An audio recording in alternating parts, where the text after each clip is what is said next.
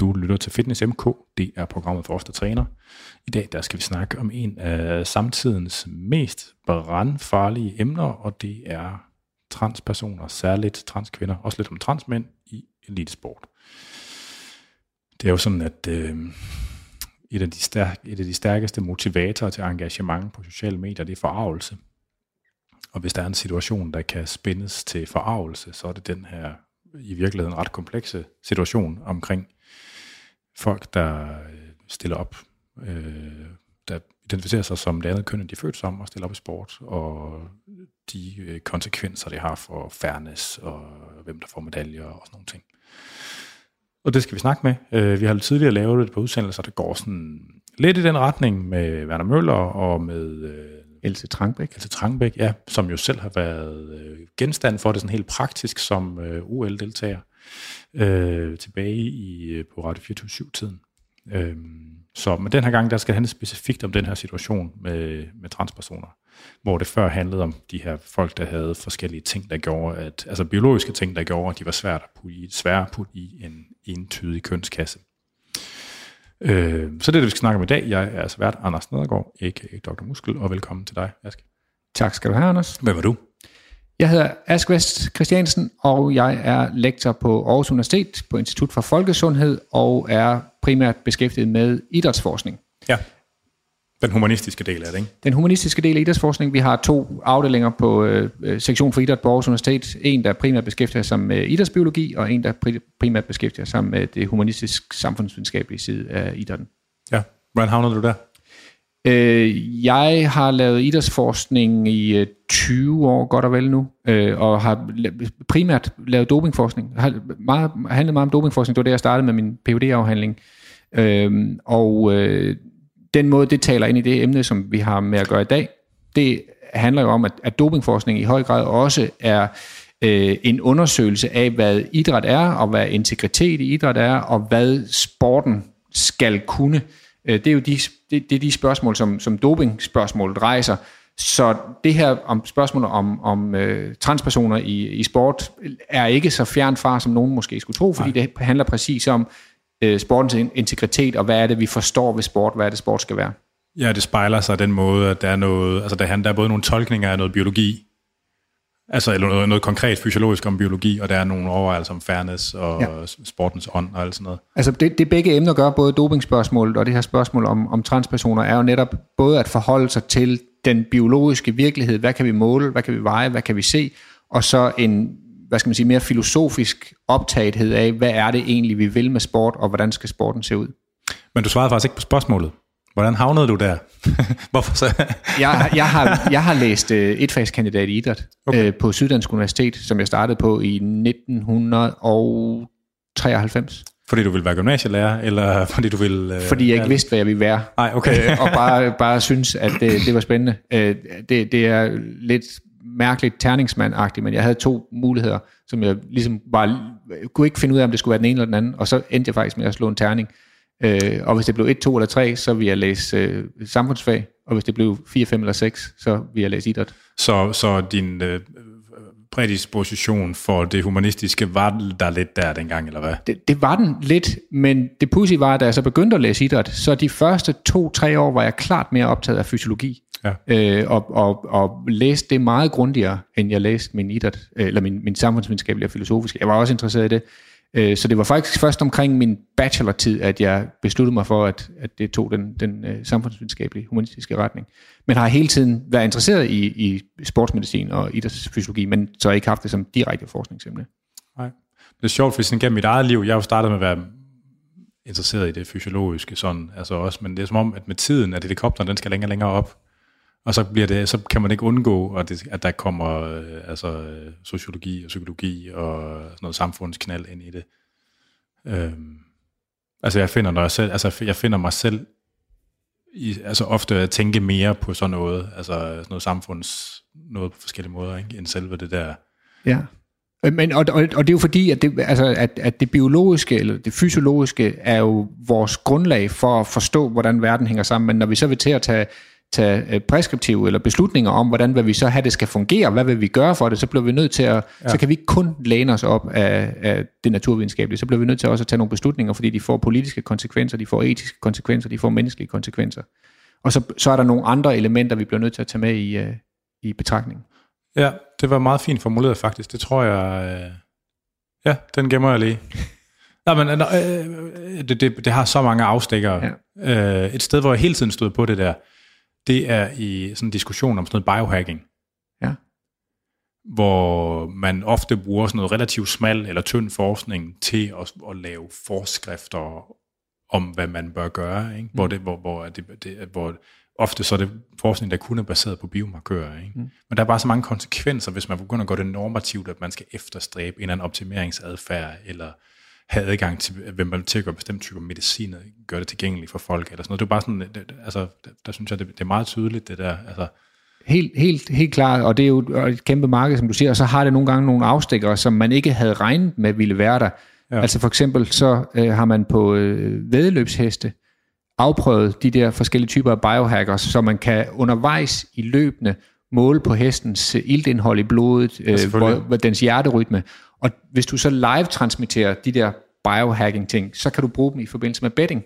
Så bettingfirmaerne vil gerne have adgang til det, og så kan du se, om den hest, som du troede var den klare favorit undervejs, faktisk begynder at få en lidt lavere iltmætning, så måske så går den kold i næste sving. Ind. Og det gør de i Japan. Og så kan du flytte, ja, og så kan du flytte din vedmål undervejs. Så, så det har alle mulige implikationer, ikke både ja. hvad skal man sige, de store, som du selv nævnte, og så sådan nogle mærkelige, obskure ting, som bettingmarkedet ja. for eksempel. Ja, det er meget sjovt. Ja, det gør de stensikkert i Japan. Helt sikkert. Altså, de har det bare øh, fucking vildt med heste og alle mulige andre ting. Tak fordi du er kommet her fredag middag øh, til København, øh, inde ved strøget. Vi skal til i gang. Øh, til jer, der lytter med, der kan man skrive ind med spørgsmål til nærværende eller tidligere programmer eller forslag til nye, og det er som altid på afn eller på programmets Facebook-side eller Instagram, der begge to bare hedder FitnessMK.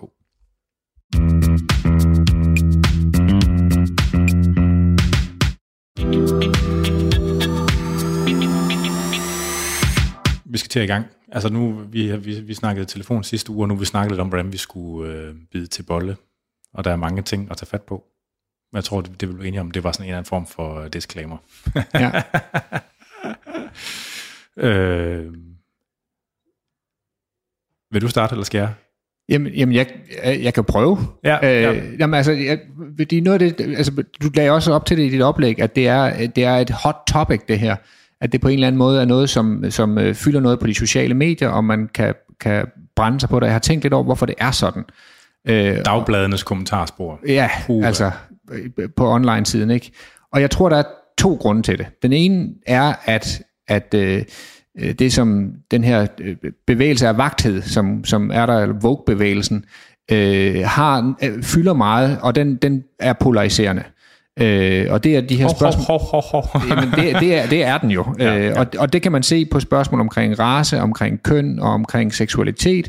Øh, så så det, er det, det er det ene element af det. Jeg tror, du er nødt til at uddøbe det med polariserende, fordi at hvis man skulle være djævelens advokat, så kan man godt sige bare, at der, hvis der er nogen, der har det andet mod... Hvis der er nogen, der har det et, et synspunkt, der er modsat ens eget, og de siger, at det, man selv gør, det er polariserende. Det går sådan en selvopfyldende profeti i virkeligheden, ikke? Jamen, der var ingenting normativt, det, det jeg sagde. Det var, det var rent preskriptivt, altså deskriptivt. Okay. Det var bare et spørgsmål om, at vi kan se, at det er diskussioner, der flytter sig til fløjene. Så feltet... Ja, ud, altså... feltet samler sig ikke om, en, om et center, nej, hvor man nej, diskuterer... Okay. Øh, det, det, det, det, det har elementet i, og det er rent, som rent deskriptivt i at flytte sig ud mod fløje. Om det lød, som du sagde, det var den ene side skyld. Ja, nej, det mener det kan jeg. Godt, det kan være rigtigt eller forkert, altså, ja. altså, og det tror jeg måske er rigtigt. Be, det er den ene ting, men... begge, begge sider uh, har nogle outrageous claims ude på yderfløjene, ja. øhm, som, som gør diskussionen svært øh, på nogle af de områder her. Men jeg, men jeg synes, der er en anden lille ting øh, på lige præcis det her område omkring øh, transpersoner i, øh, i sport, som er øh, gør, at, at diskussionen nogle gange stikker af, og det er, at øh, sport generelt er inviterende til, at alle og hvem som helst kan have en mening. Tror du, at det bliver Roglic eller Pogacar, der vinder i Tour de France, og vi kan sidde og have en diskussion om det, ja, jeg tror det er ham, og jeg tror det bliver ham, nej, Vingegaard har også en chance. Tror du, det bliver Manchester City eller Liverpool, der vinder øh, Champions League eller det engelske, det engelske mesterskab. Og det kan vi have en diskussion frem og tilbage om, og ingen af os behøver at vide ret meget om det. Og vi Nej. synes, det, det er okay at have den diskussion, og vi, har, vi synes, det er okay at have stærke følelser omkring det, og måske er det i virkeligheden også det, der gør det interessant at følge øh, fodbold eller cykelsport eller noget, noget, noget andet. Øh, at vi kan have stærke følelser om det. Men når vi så rammer det her spørgsmål her, hvis vi så tager den samme præmis ind, at man må mene noget meget stærkt om det, uden at vide noget, ligesom man må om, hvem der vinder ja, ja, i fodbold ja. eller Tour de France, så er det, at, at diskussionen skrider, fordi her bliver man faktisk nødt til at vide noget. Der er det ikke alle synspunkter, der er lige gode på samme måde, om det bliver City eller Liverpool, der vinder øh, The Premiership. Nej, det hedder det vist ikke. Øh, Premier League. Jeg sagde ikke fodbold, så du ikke... øh, så det tror jeg er med til at, at flytte øh, den her diskussion her øh, til et sted, hvor den nogle gange bliver øh, både ubehagelig og, og lidt usaglig. Så jeg, jeg håber på, at, at vi også i dag kan være med til at bringe den ind mod et, øh, et center, hvor der er, er det bedste argument, der er styrende. Så der er sådan en falsk forestilling om allemands eje, der, ja, det, altså man, igen, hvis man skal være djævelens advokat, det kan også godt lyde lidt elitært. Øh, jamen altså, Altså, hvis, ja. hvis det er, at man på andre områder ikke altså, synes, at altså på hele spørgsmålet omkring medicin, så vil vi da også hellere, vil da hellere lytte, til en hjertelæge, hvis der er problemer med hjertet, end ja. til hvem som helst ude på, øh, på de sociale medier. Ja, ja. Det ja. kan det godt være, det er elitært, men og ikke for at øve at sammenligne mig selv som, på, med det ekspertniveau, som en hjertelæge har, men jeg tror, man bliver nødt til at sætte sig ind i det her, før ja. man ja, ja. noget om det. Øh, min ende af den disclaimer, jeg har jo sådan, jeg sætter jo sådan der sætter røven i klaskehøjde og sådan agerer debattør, og har øh, øh, også stukket den metaforiske tissemand lidt ind i den her et par gange, altså øh, både på nogle af mine egne profiler, og også på nogle, der ikke er min egen. Øh, og har, du ved, man op, altså, jeg, jeg, betragter, jeg betragter mig selv som, sådan, som militant moderat. Problemet ved det, det er ligesom, at så er man sikker på, at dem fra begge sider ikke kan lide en. Mm. Øh, så, så, og, og der er sket, altså jeg holder, jeg holder af edgy humor. Altså det der, man, hvis, man sådan lige kan, hvis man lige kan klemme et eller andet ud, der får folk til først at se stødt ud, og så sådan, bag, man, du ved, de skal gribe den, og du vil vende den om i hovedet, ikke? Det er det bedste, ikke? Og der er sket det over de sidste år, at det er som om, at det syn på humor, at det er blevet sådan et højreorienteret synspunkt. Man kan se, hvordan at sådan, altså, og det er noget, der sker i, sådan, i fora og sådan noget, altså hvordan hele det der, Nine Gag og sådan de der fora og Peppa the Frog og de der memes, der hører til, det er blevet sådan højorienteret noget, ikke? hvilket er skrækkeligt, fordi at det der med at, sådan, at, vil, at, at, at, at prøve på at lave noget, der er edgy, men sjovt, det bliver meget hurtigt opfattet, som om det hører til over i den der kategori. Ikke? Og det er jo også noget med, at folk, der, ligesom, at, at folk, der har nogle særlige holdninger omkring frihedsrettigheder, har jo, de er jo mere tilbøjelige til at sige, at man kan lave sjov med alt. Mens hvis man er helt over på venstrefløjen, så vil der være nogen, der siger, at nogle typer af humor, det er del af nogle undertrykkende magtstrukturer, og derfor ikke okay. Altså, og det gør, det gør det svært. Altså, så, men du, det, det, det, den, den ting har du også længere mod midten, altså sådan en fyr som David Chappelle, som øh, ja, ja. også blev outet øh, på, på øh, hvad hedder det, Netflix, ikke, for sine shows. Jo, jo, jo, jo. Altså, men det, altså, jeg har jo, øh, jeg har haft specielt, specielt hele den her debat omkring tykaktivisme, som minder om på mange måder også. Der er nogle klare fysiologiske, biologiske betragtninger, ikke? og der er de samme sådan, politiske islet, ikke? og man ser jo, der er et overlap mellem dem, der har de her venstreorienterede. Altså identitetspolitik findes på venstrefløjen. Når jeg bruger begrebet identitetspolitik nu, så er det inden for rammen sådan af venstrefløjen, fordi dem, jeg sådan har altså, haft størst, ligesom øh, dem, der har clashet mest, fordi at det spøjse er, at jeg er egentlig grundlæggende mere enig med dem end den anden side. Men det der, når man finder sig i det der rum, hvor man kun er 70% enig, så, så kommer man til at slås mere med dem, end hvis man er 0% enig. Det er, det er sådan en underlig situation, at man giver dem, du ved, ret det meste af vejen, men ikke hele vejen, og så bliver man genstand for sådan en massiv kritik. Og, det, og jeg tror, at det er sådan noget, der opstår, når man er i, deres, når man er i den der sfære, hvor man taler sammen. Fordi ligesom, det er en større del af den venstreorienterede, den der, den der altså venstreorienterede identitetspolitiske diskurs, det her med, med, at hvis ikke man er med dem, så er man mod dem, fordi så er man en del af de undertrykkende magtstrukturer på en eller anden måde. Ikke? Det, altså den sidste del er jo ikke nok det der med de der undertrykkende magtstrukturer, men egentlig mener jeg faktisk, at den der identitetspolitik findes på begge fløje. Ja, det, det mener jeg også, det er derfor, og, jeg specificerede det. Ja, og det gør den jo for eksempel, altså stormen på Capitol sidste år i januar, ja, ja, ja. er jo et, et identitetspolitisk projekt fra højrefløjen. Åh, oh, det går længere end det. Det går længere end det. Ja, jamen, ja, ja, men, men det er jo men det er sådan en, en, eller hvis du tager religiøse minoriteters, har jo også en, er jo også en højrefløjs øh, ting i den forstand, at det er det religiøse, der har forrang. Så jeg tror, det findes begge steder, øh, og, og, og det er selvfølgelig lidt en, lidt en øh, måske lidt en ekskurs her, men, men det, som, ja. det, som vi i hvert fald peger hen imod her, det er jo, at når, når vi taler om, hvis jeg må tage den tilbage til, til spørgsmål om... om jeg nåede ikke helt frem til nogle pointe, men nu glemte jeg også, hvad pointen var. Så, øh... den kommer du til om lidt sikkert. Men jeg tror, altså det som, det, som vi, kan, vi kan se giver modstanden på det her spørgsmål, eller giver den her polariserede diskussion, det er, at øh, det er, det er øh, konkurrerende rettigheder, der kommer i spil. Ja. Øh, og det er jo på den ene side den rettighed, der hedder, at atleter skal have lov til at øh, deltage i sport, uden at det bliver diskrimineret. Ja. Det er en rettighed, og den anden side, så hvis vi bliver specifikke på det her, så er det øh, cis-kvinders ret til at øh, en retfærdig konkurrence. Ja. Øh, biologiske kvinders ret til en retfærdig konkurrence. Og de to rettigheder kan ikke sameksistere. Der er ikke og det er perfekt derfor, løsning. Der er ikke en balance. Vi kan ikke nå en balance på det, så vi bliver nødt til at vælge. Enten er det inklusionsspørgsmål, eller er det retfærdighedsspørgsmål. Og det er der, og det er det, jeg tænker, vi, vi kommer igennem i dag også, at sige, hvad er det for nogle argumenter, der findes på begge sider her, øh, Ja. på enten inklusionssiden eller på, på retfærdighedssiden. Ja. Øh, og det er, dem, der, det, det, det er de to sider, der udgør diskussionen her. Ja, altså, altså ja. Men for, jeg ved ikke, om jeg nærmer mig den pointe, jeg oprindeligt havde, men altså, på den ene side, så ser man jo folk, der siger, at det findes kun to køn, lol, lol, lol, smiley, troll face. Mm. Entydigt forkert. Og dumt, og, og unødigt provokerende. Ikke? På den anden side har man nogen, der siger, der er ikke nogen biologisk forskel, det er lige meget. Ikke? Entydigt forkert. Jeg ved ikke, om det er provokerende, det er det formentlig også, men det er i hvert fald entydigt forkert og undergravende for debatten. Ikke? Mm. Og så skal man lande et eller andet sted midt imellem.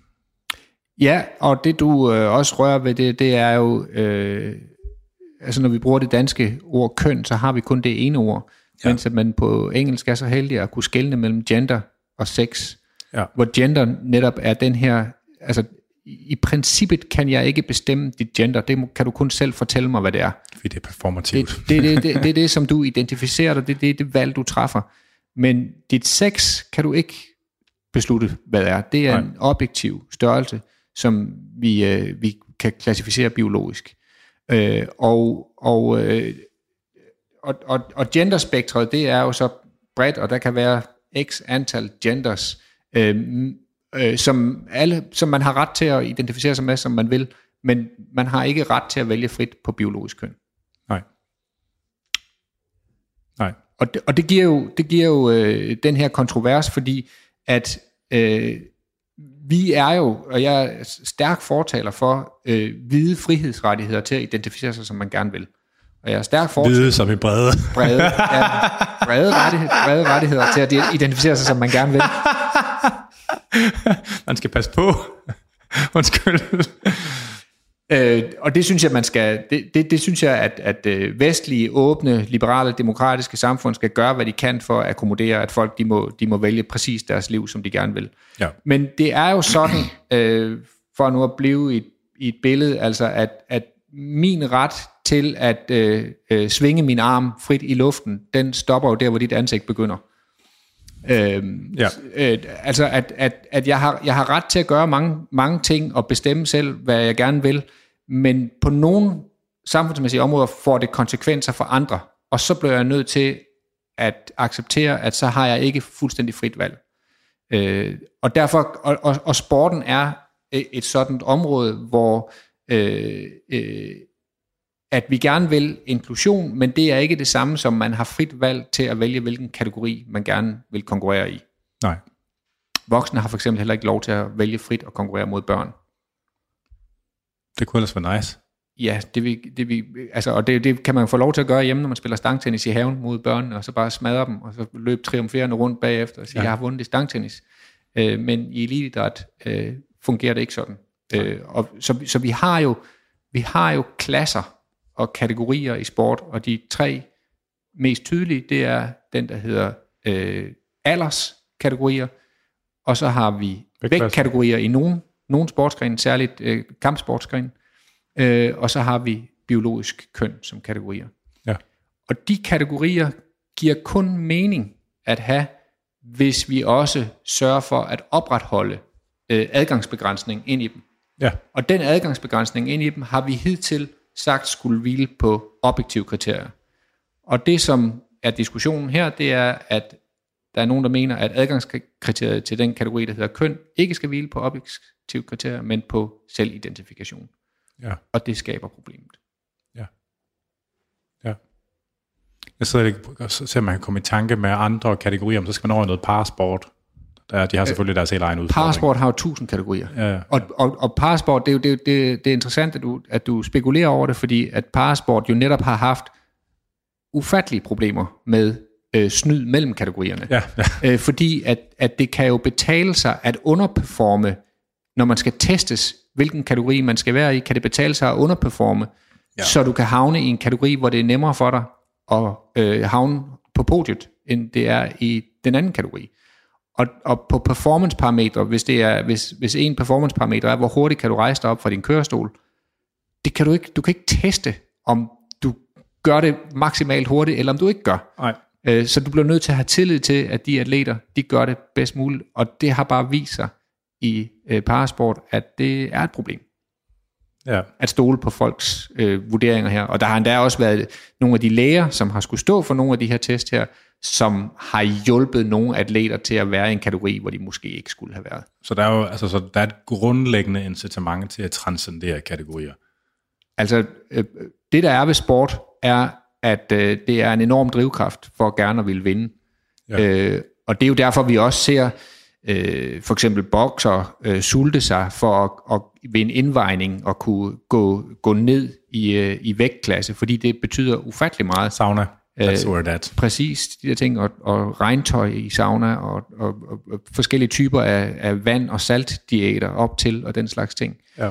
Øh, fordi det betyder virkelig meget for ens chancer for, hvor, hvor, hvor konkurrencedygtig man er, hvilken kategori man havner i. Øh, så derfor vil atleter gøre, hvad de kan for at havne i den kategori, øh, hvor de er mest konkurrencedygtige. Ja. Vi kan i hvert fald ikke stole på, som rent tillidssystem, at de bare selv vælger den rigtige kategori. Nej. Og derfor er objektive kriterier en, en, øh, en fornuftig øh, udgangspunkt for at vurdere det. Ja. Og nu har jeg jo, det er jo næsten allerede min konklusion, men, men, men, men Jo, jo. Vi, vi, lad os prøve, vi kan jo bevæge os derhen til at sige, hvad er det så, vi ved om øh, de her objektive kriterier. Altså, der er jo kommet, det er jo ikke fordi, at forskningen på det her med, hvad sk- altså, spørgsmålet er jo, når man undertrykker testosteronproduktionen i en person, der skal til at gå fra at være mand til at være kvinde, altså det er indiskutabelt, mænd er større og stærkere, har en højere ildoptagelse, større eksplosiv styrke end kvinder til at starte med, og, når, og en del af det, det skyldes det aktuelle niveau af testosteron, og en anden del af skyldes formentlig noget pubertet, nogle, nogle ting, der ligesom bliver kodet ind under pubertet og sådan noget. Og når man fjerner testosteron, så forsvinder det meste af det. Men hvor meget det meste? Ja, men det gør det nemlig ikke. Og altså, det, hvad, er den, hvad er den residuale ja. tilbageblivende præstationsmæssige fordel? Det er præcis det, der er, det er præcis det, der er spørgsmålet. Altså lad os, lad os starte med den, med den første præmis, nemlig at der er øh, forskel på mænd og kvinder. Altså, det, hvis vi lige går helt tilbage, så er der ligesom to, to perspektiver på det her. Det ene perspektiv er, at grunden til, at vi har to kategorier, det er for, at folk kan identificere sig med enten en mandekategori eller en damekategori. Og der er nogen, der vil hævde, at det også historisk har været årsagen til, at der er to kategorier. Hvad skulle det ellers være? Historisk, mener jeg. Altså, Jamen, det, det skulle være, at der, er- der er biologisk forskel. Altså, der er to, det er to forskellige argumenter sige, har vi to kategorier, fordi folk skal identificere sig ind i en kategori, eller har vi to kategorier, fordi der er biologisk forskel på kategorierne? men det vil grundlæggende starte med, at folk de har, altså, har erfaret, at når mænd stiller op mod kvinder, så bliver kvinderne lamme til ud, så er det ikke sjovt. Altså, Nemlig. Så hvis du ville have, at kvinder skulle kunne dyrke sport, og at øh, piger og kvinder skulle have rollemodeller, som de kunne se på, som også vandt en gang imellem, så blev der nødt til at være en beskyttet kategori Ja. for kvinder. ja. Øhm, øh, og, og, og nu siger du, at det er alle, alle er enige om, at der er den forskel. Det er alle faktisk ikke enige om. Nej, Nej, I hvert fald nej, ikke men- ude på Twitter er de, er Nej, de ikke bevares. enige om det, vel? Men blandt uh, sportsvidenskabs, nat- naturvidenskabelige Præcis, sportsvidenskabsfolk. og, og så er vi tilbage ved noget af det, som vi startede med, nemlig at sige, at man bliver nødt til at vide noget om det her. Man bliver nemlig nødt til at vide noget om den biologi, øh, der, der ligger bag det. Ja. Og den biologi, den er jo netop, at, at, øh, at øh, drenge foster får en påvirkning af testosteron øh, allerede i, i fostertilstanden og i de første, den første tid efter de er født, øh, og så kommer der et nyt, meget, meget stort øh, tryk af testosteron, når de går i, i øh, pubertet. Øh, før drenge går i pubertet, er der ikke så store præstationsforskelle mellem drenge og piger, men der er faktisk præstationsforskelle. Øh, vi kommer sikkert tilbage til DIFs rapport, men de siger jo, at ved børn under 10-12 år, der kan man godt øh, lade, lade kønnene konkurrere sammen, og det mener jeg, at, at i langt største delen af tilfælden kan, det også, kan man også det. Øh, men der er faktisk præstationsforskel mellem drenge og piger, også under, under 10 år i drengenes favør. Okay. Øh, men når puberteten så sætter ind, så bliver den forskel massiv. Øh, og, og det, det er øh, testosteron, der driver en række øh, øh, biologiske øh, parametre, som gør, at, at øh, det, der man kalder det sekundære kønstræk hos mænd, øh, som handler om øh, større, længere, tykkere knogler, øh, bredere skuldre, de, skelettet kommer til at se anderledes ud, øh, smalle skuldre, brede, øh, undskyld, smalle hofter og brede skuldre, øh, og øh, øh et øget, en markant øget muskeltilvækst. Ja. Og de ting, de manifesterer sig i de biologiske forskelle, de manifesterer sig som præstationsforskelle mellem kønnene. Ja. Og man kan se, at de præstationsforskelle, de ligger i udholdenhedsdiscipliner mellem 10 og 12 procent, i, øh, i discipliner. Er det sammenligninger mellem eliteatleter? Det er, når vi kigger på eliteatleter, ja. ja. Øh, hvad, hvad er tallene på gennemsnits øh, her fra Danmark? Hvis man, hvis man øh, beder øh, her fra Danmark om at tage sådan en øh, handgrip, øh, så man kan se, hvor hårdt kan man trykke i sådan en, øh, en, en, en, en måling af, hvor, hvor stort styrke har man i hånden. Øh, og du tager øh, 10 tilfældige personer på gågaden, som ellers ligner hinanden med alder og, og, og den slags ting, så vil kun den stærkeste kvinde, den stærkeste kvinde vil kun være stærkere end den svageste mand. Ja. Hvad, findes der mere sådan relaterbare mål, som øh, hvor hurtigt man kan løbe 3 km, eller hvor mange armstrækker man kan tage? Eller? Jamen, de, de svarer til det, man finder hos eliteatleterne. Altså, okay, det, okay, det er det, det, er, det, er, det er korresponderer stort set. Okay. Så jo mere den test, du laver, ligger væk på overkropsstyrke, det større er forskellen. Så det er to standardafvielsers forskel cirka, eller hvad, sådan i gennemsnit? Jamen altså, det er de der 10-15% på udholdenhedsidræt, og det er omkring 30-40% på, på overkropsidrætter. Øh, øh, og så er der enkelte ting, for eksempel slagstyrke. Øh, det ene studie, man har målt ved, der er forskellen på cirka 160%. Det er helt sindssygt. Ja, det er meget, meget stor forskel. Og også, også øh, uh, sportsvidenskabeligt interessant, hvorfor der er så stor forskel der. Men altså det der med at slå som en pige, det er jo... ja, altså det, det, den, den, øh, det, øh, det jeg har set på det, så, så når man ser den type forskel, så er det, er det jo oplagt at kigge på det i evolutionære øh, termer, og se, er der en evolutionær baggrund på det. Og de fleste de øh, hypoteser, der er på det, det, det handler jo om, hvordan arbejdsfordelingen har været mellem kønnene i præhistoriske samfund. Og der er selekteret for det. Og der er selek- ja, nemlig at, at, øh, at mænd i højere grad har været dem, der har dels været i krig, og den måde, man har været i krig på, har været med køller og økser og spyd, øh, og det er de samme redskaber, man også har brugt til nedlæggende, ned, nedlæggelse af byttedyr. Ja, ja. Øhm, og kvinderne har i højere grad har skulle bære og samle øh, frugt. Og, så det, det, det, det er en af de hypoteser ja, ja. til, hvorfor man ser den, den forskel, at når du kigger for eksempel på underkroppen, så er forskellen meget mindre i styrke også. Ja, ja. Men øh, det lyder bare, altså det lyder bare stadigvæk næsten som for meget. Jeg kan ikke lade være med at tænke på, om der også er et, fordi der er mange flere mænd, der laver, altså det er blandt eliteudøvere også det der, ikke? Nej, det er generelt. Nå, det, okay. Det, det, det, igen, det, det, de samme målinger får du, når du... Så de 160 procent, er det både for eliteudøvere? Det er, eller på, for, det, er, det er igen, som man tit laver sådan noget her, så det er jo lavet på studerende på et universitet, som man trækker ind. Ikke? Okay. Så, så Fordi, lige mange mænd og kvinder samlet i det der. Ja, for jeg tænker på, at selve det med at lære at slå, at ja. der er formentlig flere mænd, der kan finde ud af at slå, end der er kvinder, der kan finde ud af at slå. Det, altså... det forstår jeg godt, du siger, og øh, hvis jeg bare lige skal tage det ene studie, så, så øh, ville man gerne have lavet det som et slag, et rigtigt slagstudie. Men øh, videnskabsetisk var det svært at få igennem, fordi der er en risiko for, at man kan brække hånden hænder, øh, ved det der. så derfor så er det ikke lavet ved, hvor man rent faktisk slår, men det er lavet som en sådan en cykelcrank, man skulle trække, trække frem okay. i en slaglignende bevægelse, men hvor du ikke risikerer at ødelægge dine knor øh, på det. Så hvor hurtigt kunne du gøre det med en given belastning? Så det, så der er, det er jo sådan en torque-ting, man laver i, i ja, ja. bevægelse rundt på en pedalarm, der er sat op på et aggregat. Jeg prøvet, og det er i den, i den, det er i den forbindelse, at man får 160 procent. Og så det du siger, det er, at hvis man lavede real life slå ind i en pude med en kraftplatform, på en eller anden måde placeret i det, så vil man givetvis finde forskel, der er endnu større. Øh, fordi der er også et spørgsmål om, hvordan du kan lave helkropsbevægelser, bevæge Ja, ja, overkrop og, og den slags Men jeg tror måske, der... Ja, ja, ja, Men 160 procent kunne man måle i den der med det der.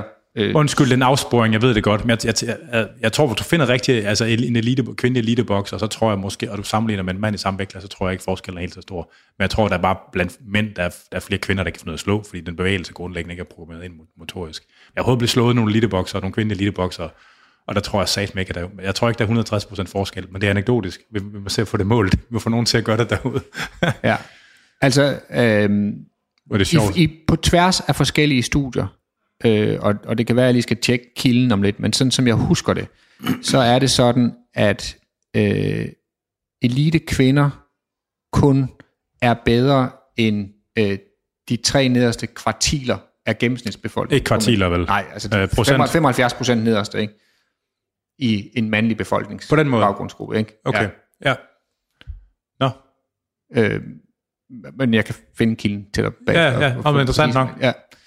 Øh, så man har jo forsøgt at lave de her sammenligninger på tværs. Ja, ja. Øh, men, men hvis vi skal, altså, fordi noget af det, som, og det kan godt være, at vi for, foregriber begivenhederne lidt her, men det, noget af det, der har været diskussionen her, har jo været, at de studier, man har på forskellen mellem, mellem øh, øh, hvil- hvilken effekt øh, testosteron øh, øh, suppression har på øh, trans kvinder, så har kritikken været, jamen den er jo lavet på, på øh, baggrundsbefolkningen, eller på transpersoner, som ikke er eliteatleter.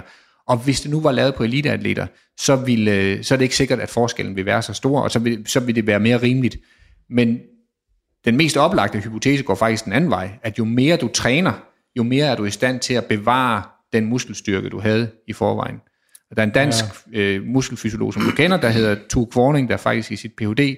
lavede den undersøgelse, hvor han så på, hvad sker der, hvis vi, hvis vi øh, øh, slukker for testosteronproduktionen hos mænd, og så lader dem træne samtidig, og så lavede han forskellige typer af, af, af grupper, så han kunne og så stoppede træningen med at virke. Og, og der, der viste det sig faktisk, at de mænd, som fik slukket for testosteronproduktion, men fortsatte med at træne, de tabte meget, meget lidt af deres øh, styrke Okay, nå. øh, i, i det studie her. Ikke? Ja. Så, så det, det peger på, det er, at det, det er ikke sikkert, at inklusionsgruppens øh, argument bliver bedre af at sige, lad os vente til vi får forskning, som er lavet på eliteatleter. Sandsynligvis bliver deres argument dårligere eller svagere, fordi at den, øh, den bevarede effekt, som der er mellem kønnene, vil være større for den gruppe, fordi de ja. træner. Modellen i Tues studie var, altså det kunne være, i virkeligheden så skulle man have nogen, man har supprimeret nok til i hvert fald, at de var gennem den indledende tab af muskelmasse, og så satte dem til at træne, ikke? så man ligesom kunne forskille tingene lidt bedre ad. Ja, det gjorde man. Ja, sådan som jeg husker det, så var det træning efter, at de fik det her. Men ja. deres testosteron røg helt ned. Ja, det blev bumpet helt. Der var ja. Ja. et par stykker, der, jeg tror faktisk, der var et par stykker, der er svært ved at komme i gang igen bagefter også. Øhm, ja. Ja. ja. Men selve træningen virkede i hvert fald ikke rigtigt. Altså sådan, men, men altså, vi kan, jo, vi kan jo, bare for lige at, at slutte af med nogle eksempler på, hvor, hvor stor er forskellen øh, mellem kønnene.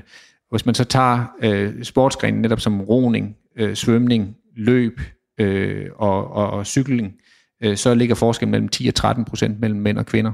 Øh, og hvis man tager sportsgrenen, som, hvor man kigger på serven i tennis, eller et øh, golf drive, eller øh, downhill MTB, eller håndbold, øh, skud, så ligger forskellen mellem 16 og 22 procent. Og hvis man tager øh, sådan nogle ting som, som øh, saven i volleyball, eller et, et, øh, et øh, drive i golf, så ligger den mellem 29 og 34 procent, og endelig hvis man tager baseball pitch, eller øh, at et skud med en hockeystav, så ligger det over 50 procent. Så der er betydelig forskel mellem, ja. ja. Øh, mellem mænd og kvinder. Og det som, det, som diskussionen så handler om, øh, for dem, der fremfører det argument, at øh, man skal inkludere, og der ikke er en urimelig performanceforskel, det er, vil det, at man så piller testosteron væk fra de her biologiske mænd øh, gennem behandling, vil det fjerne den performanceforskel? Og, og vi, der, hvor vi kom fra før i forhold til, til teenage-drengene, som får den her øh, store øh, udvikling her, så er den tilgængelige forskning, der er nu, tyder på, at man ikke fjerner den øh, fordel, øh, der er den forskel, der er. Så, så den måde, man billedligt talt kan forstå det her på, det er, at testosteron er, er afgørende for at komme ind i det rum, hvor konkurrencen findes. Men når man er inde i det rum, når, hvis vi så fjerner testosteron, så fjerner det ikke tilstrækkeligt af, af den forskel, øh, der var for at komme ind i rummet. Nej. Jeg ved ikke, om det billede giver mening, men... Øh. Ja. Og det er jo der, det bliver spage, som man siger. Ja, Ja. Men, men, men, det, men det er, men, og, og når jeg siger det, så er det også fordi, at der, er- der er nogen, der peger på et, et, et studie fra 2019, hus, som jeg husker det, som blev lavet af, eller 2017, af Berman og Share, det henter jeg lige om lidt, øh, øhm, som, som var blevet bestilt af den internationale etikforbund. På baggrund af Caster Semenya-sagen, som jeg tror, du har talt om i et ja, tidligere program, og det de gerne ville, det de ville, det var at se, jamen, er der forskel på præstationsforskelle til VM i atletik, på dem, der har et højt testosteronniveau, og dem, der har et lavt testosteronniveau. Og det kunne man ikke spore. Så i gruppen af mænd og i gruppen af kvinder, der dem, der i henholdsvis de to kategorier havde et højt testosteronniveau og et lavt testosteronniveau, var der, kunne, du ikke, kunne du ikke måle en præstationsforskel. Nej. Og det, det, det bliver så brugt som argument til at sige, jamen se selv, testosteron spiller ingen rolle for præstationsforskel. Men det er det, jeg mener med, hvornår er du, at hvis, fordi når du først er trådt ind i rummet, Ja. testosteron gjorde, at du fik muligheden for at træde ind i det her rum her, men når du er inde bag døren, så er det ikke testosteron længere, du kan måle på for at se, hvor stor en performance du er. Så hvis du ser på line-up på, øh, på 100 meteren til OL, så hvis du, hvis du vil sætte dine penge på, hvem der vinder, så, er det ikke, så, så hjælper det dig ikke ret meget, at du kender testosteronniveauet på de otte, otte løber. Var det baseret på enkelte målinger taget til konkurrencer? Ja, Ja, man skulle nok have nogle sekventielle målinger, hvis det endelig skulle være, fordi der er relativt... Der er jo og relativt... der er også store fluktuationer. og Alt Nå, men det er mener lige præcis, Ja. det er flu- fluktuationerne, ja. Og det er knyttet til adfærdsreguleringen på meget korte Der var- tidsskalaer og sådan noget, ikke? Der var rigtig meget kritik af det studie, men det var ikke desto mindre det, der faktisk endte med at blive brugt til at lave den her, som er blevet kaldt Lex Semenya, altså hvorfor der var fire kategorier, Semenya, lol. som, øh, som, som, hvor man skulle under 5 nanomol testosteron, og ja, ikke bare under 10.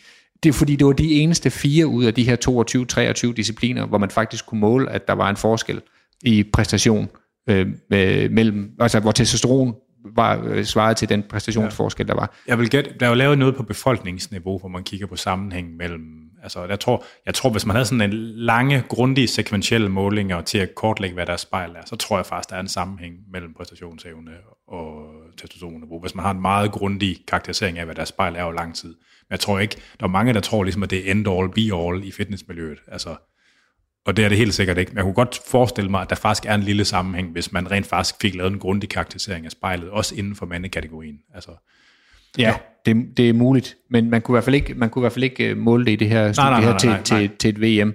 Og som du siger, der er også alt muligt med jetlag og alt muligt, der kan... kan Ja, og lampefeber og Ja. alle mulige sådan nogle... ja. Og vi ved jo også, at testosteron er påvirket af øh, øh, følelsen af succes. Eller hvis. Ja. du lige har vundet, så går testosteron op, og hvis du har tabt, så går det ned og sådan nogle ting. Ja, ja. I hvert fald hos mænd. Øh, så så der, der, der er flere elementer i det.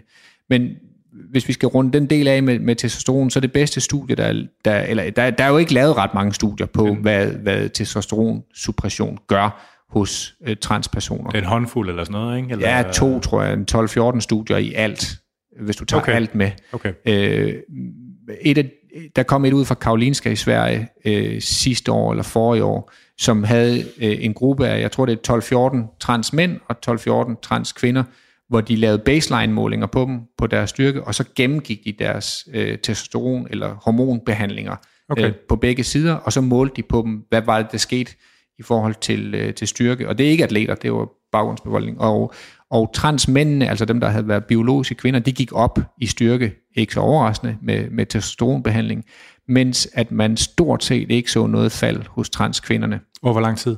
Øh, 12 måneder. Men det vel så heller ikke helt lang tid nok i virkeligheden til at...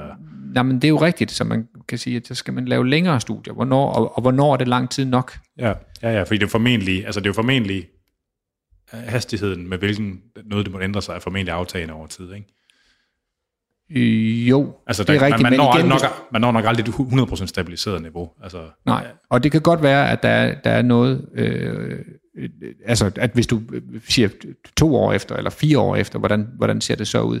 Men, men det, som måske, man måske skal, skal huske at have med, det er, at når man kigger på, hvad testosterons effekt er, eller testosterons effekt er, så er der jo nogle biologiske markører, hvor der er en ret betydelig effekt, og det er for eksempel hemoglobin, det ser ud til at falde meget hurtigt, altså ja. inden for fire måneder måske, til at ramme, altså fra det mandlige biologiske niveau til at ramme et kvindeligt biologisk niveau. Mm. Øh, så, er der, så er der ting som, som, øh, som muskelmasse øh, og muskelstørrelse, som kun har et, et beskedent fald, øh, som er cirka en, en femtedel af den oprindelige forskel.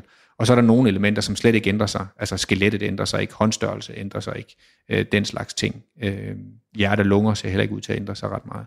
Øh, så der er nogle af de her biologiske forskelle, som ikke øh, påvirkes. Hvad, hvad, er der, hvad er den længste opfølgningstid, der er lavet på sådan noget der? Det ved jeg ikke. Nej, det kunne være, det kan være, man skal ud og... Men jeg tror, hvis man, tager, man må tage fat i de forskere fra Karolinska og se, ja, ja, ja. og få lavet nogle opfølgning på det her, følge de her 48-50 mennesker over tid, se ja. hvad der sker. Ja. Øh, og nogle af, nogle, af, nogle af de her, de er så lavet på, stu, på, på, på, på mænd og kvinder, der har, der har øh, skiftet køn.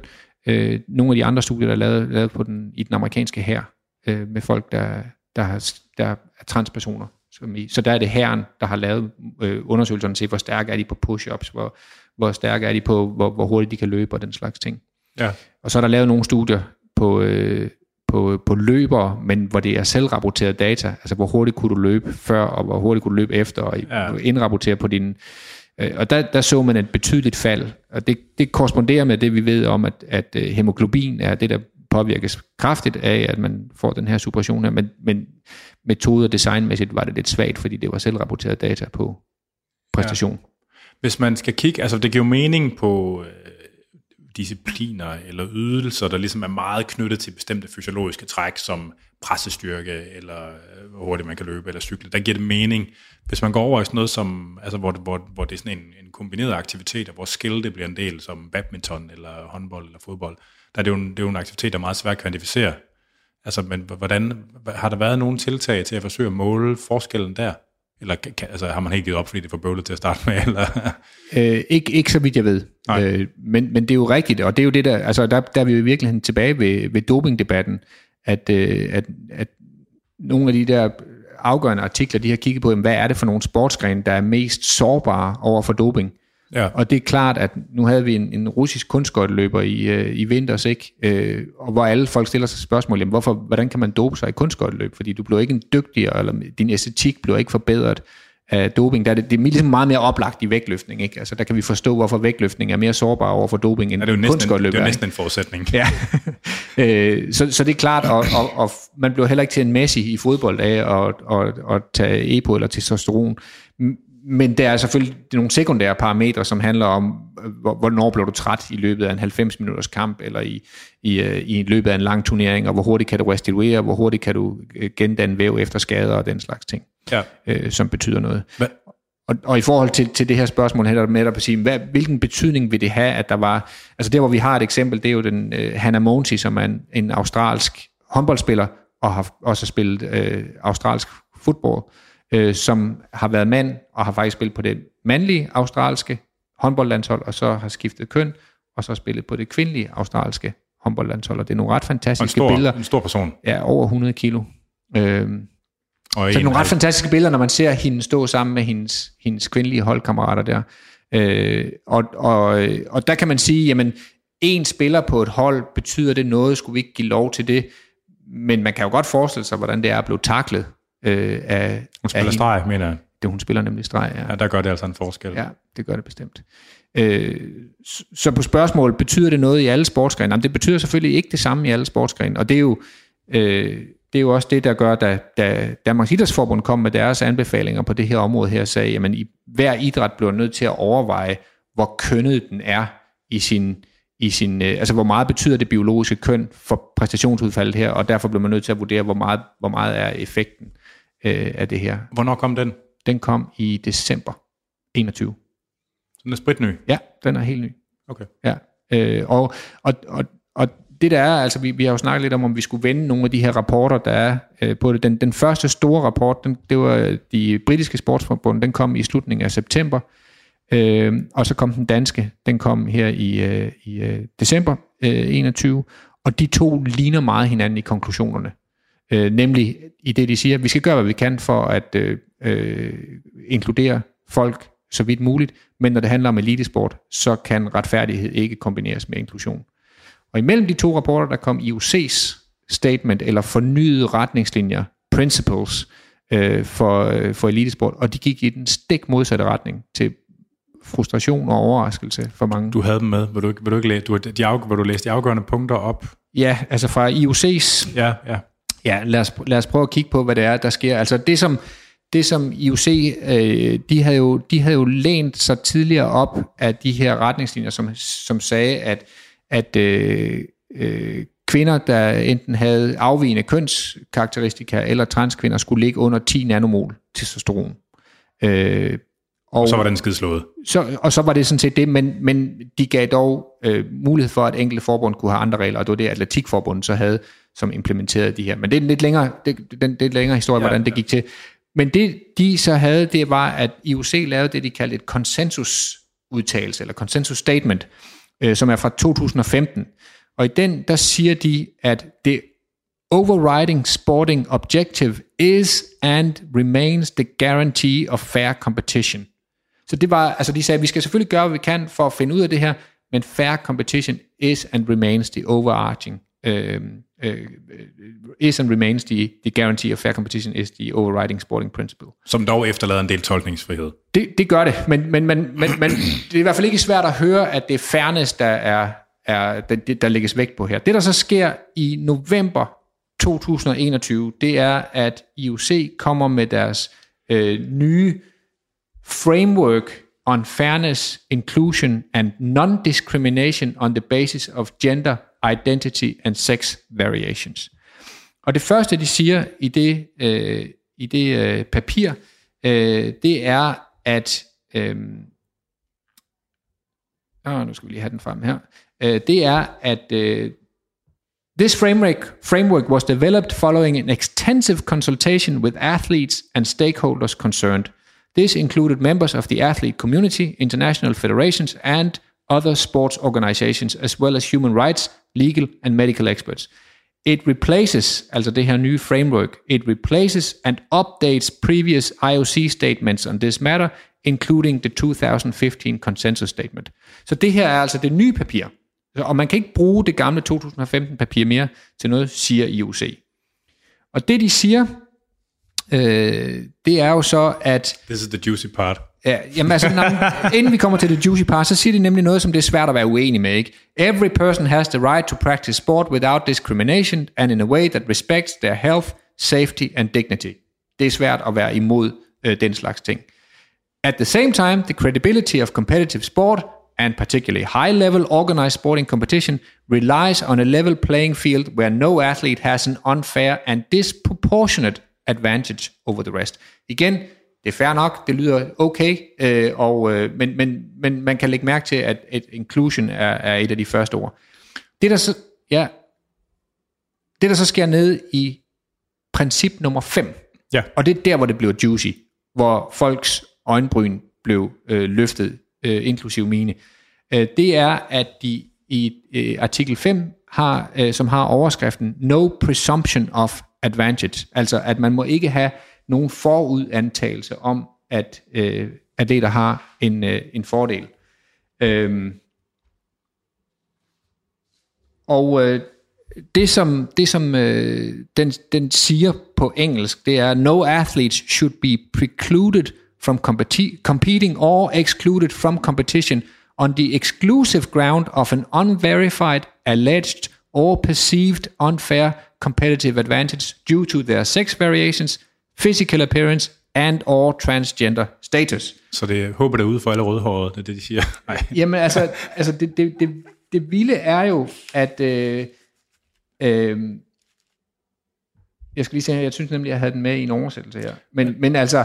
Der, der er jo meget elastik. Øh, det, det, der, er noget, der er meget elastik i det, og det vilde ved den er jo, at du, må ikke, du, du kan ikke fra det her længere udelukke. Bare fordi nogen siger, at jeg, jeg er trans øh, kvinde, så kan du ikke udelukke vedkommende.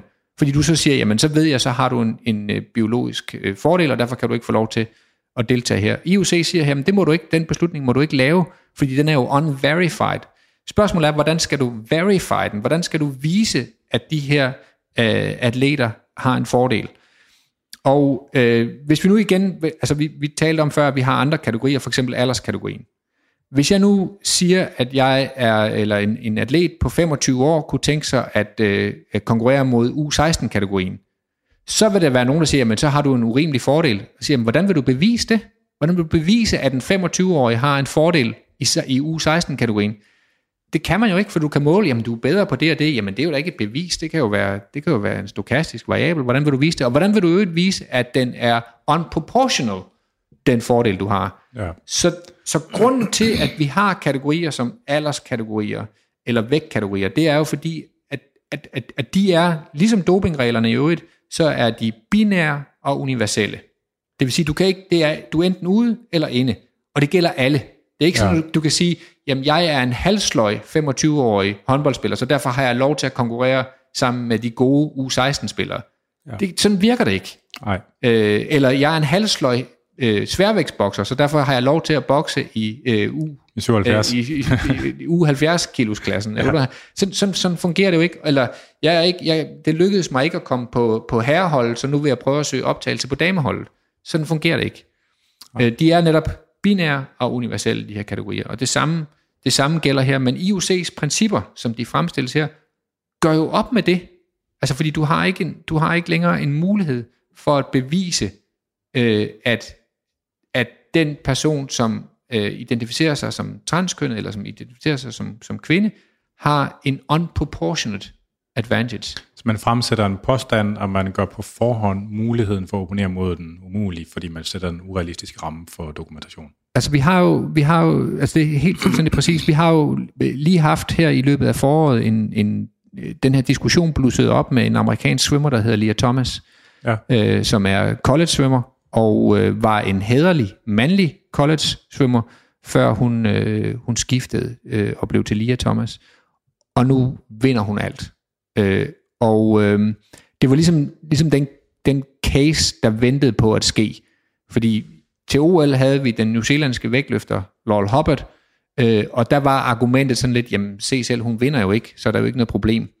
Øh, Men bare det, at man kan komme til OL i vægtløftning som, hvad var det, 46 år? 43-årige 43 i en kategori netop som kvinder, hvor kvinder topper som 23-25-årige. Ja. Ikke? Altså, Og, der, og det går hurtigt ned ad bakke med alderen. ja, Det går hurtigt ned ad bakke med alderen. ja, det ved Det, du. ja, det Ja. er ret skørt. Ja, så der, der, der, der, men, men argumentet var ligesom at sige, at det, der er jo ikke noget problem, fordi at hun ikke gør noget. Og så kom Lia Thomas, og så var det ligesom, okay, det var, altså der manglede, det vi ventede på var egentlig bare en ret, ret, god mandlig svømmer, som skiftede til at blive en, en, en kvindelig svømmer. Men igen, jævnfør IOC-kriterierne, hvordan vil du bevise, at Lia Thomas har en unproportionate advantage? Det, det kan jo ikke lade sig gøre. Der er jo, altså, nummer to kommer jo stadigvæk ind, og nummer tre kommer stadigvæk ind, og der er jo altid en nummer to og nummer tre, så hvordan skal de bevise, at, at det var en unproportionate, uh, disproportionate uh, advantage? Ja. Øhm, det bliver endnu vildere ved IOC, fordi de siger, at, at hvis man skal udelukke dem, så skal man have øh, videnskabeligt peer-reviewed evidence, bevis på det. Og det evidence, man skal have, det bevismateriale, man skal have, det skal laves på den samme demografiske gruppe, som reglerne vedrører. Det vil sige, hvis du vil udelukke Lia Thomas fra svømning, så skal du lave svømmestudier på transkønnede atleter, som viser, at de har en urimelig fordel over for ikke-transkønnede atleter. Og, som videnskabsmand, der ved du, at det bliver, det bliver virkelig, virkelig svært. Det bliver op det er op ad bakke at stille det, stable ja. det studie på benene. Hvilket fortæller mig, at det er ikke nødvendigvis er IOC sportsmediciner, der har siddet og lavet det her papir her, men nogle, øh, nogle øh, grupper, som har haft en bestemt politisk dagsorden. Nu, nu i starten, der redegør de jo meget for, hvem de har konsulteret med. Og der tænker jeg sådan lidt, altså fordi de undersøgelser, som jeg har set på holdninger til, altså til transatleter blandt øh, almindelige, hvad hedder det, biologiske cis mænd og kvinder, har jo været ret meget, som jeg, som jeg i hvert fald lige har fået set det i de studier, så har de jo været mod inklusion af transpersoner i deres respektive sportsgren. Øh, så de har haft en opfattelse i hvert fald. Og så kan man så diskutere, om det er egoistiske motivationer, der ligger bag, men sådan har i hvert fald de undersøgelser, jeg har set på, hvordan atleterne derude, hvordan de har det med det, de har ikke synes, det var nice med inklusion af transatleter. Jeg ved ikke, om det er repræsentativt, eller om det er det forkerte studie, de har fundet. Men så undrer det mig, at de snakker om inklusion, hvis det ser ud til litteraturen i virkeligheden. Altså hvis det ser ud til, at det går den anden vej. Er det, er det, hvad, er det Jamen altså, det der, det, altså det, nu er vi lidt tilbage ved den der ting omkring den der lidt polariserede, lidt giftige diskussion, øh, der er på det her område her. Fordi da, da UK Sport lavede deres meget gennemarbejdede øh, retningslinjer, som kom der i, i slutningen af september 21, så øh, sagde de jo nogenlunde det, du sagde også, når man spurgte atleter, og man spurgte forbundsfolk øh, derude, øh, hvad synes I om det her? Men der var rigtig mange, som ikke ville udtale sig med navn, fordi de var bange for repressalier, ja. øh, og som var bange for at blive fyret, eller som var bange for, hvad der ville ske på de sociale medier efterfølgende. Så de sagde, jamen, jeg, jeg mener ikke, at vi skal, at, at det er rimeligt at, at inkludere på det her område her, men jeg tør ikke nødvendigvis sige det med navn, øh, fordi risikoen er, er, er for stor. Så, og var det sløjt. Øh, ja, men det er også, det, det er også, det vidner også om, om, om hvor heated den er, den her debat her, ikke? Øhm, og jeg kan selvfølgelig forstå det, hvis det, hvis det er sportsfolk og sponsorater og sådan noget, så bliver det mere giftigt. Altså, øh, ja. Og det har de jo. Du, du sidder i stillinger, og du har sponsorer, og du har den slags ting, og at der er noget, man ikke vil ind i, så er det sådan en shitstorm på de sociale medier. Ja. Uh, leave me out. Uh, vi havde besøg af, af vi havde et, et seminar på Aarhus Universitet i, uh, i uh, efteråret uh, sidste år, og der havde vi Emma Coburn med, som er fra uh, atlet, hun er 3.000 meter forhindringsløber, tre gange verdensmester, tror jeg, og har været ved flere OL. Uh, og hun er, har ligesom øh, prøvet at bygge sådan en athlete commission op, som skulle være et sted, hvor atleter netop kunne få en stemme ind i øh, de politiske organer i, i World Athletics. Øh, og hun kunne sige det samme, at vi har et tavst stort flertal, som mener, at vi bliver nødt til at have reguleringer øh, på det område her, men at det, var svært at få folk til at udtale sig også. Så selv atleterne inden for det her synes, synes at det er svært.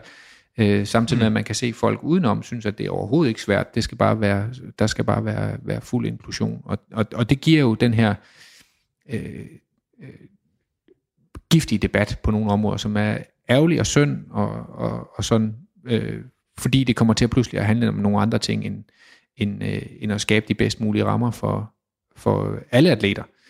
Øh, men det man, altså... Spørgsmål. Ja. Den der IOC øh, det, her, det der IOC-standpunkt. Hvad betyder det i praksis, at de siger det?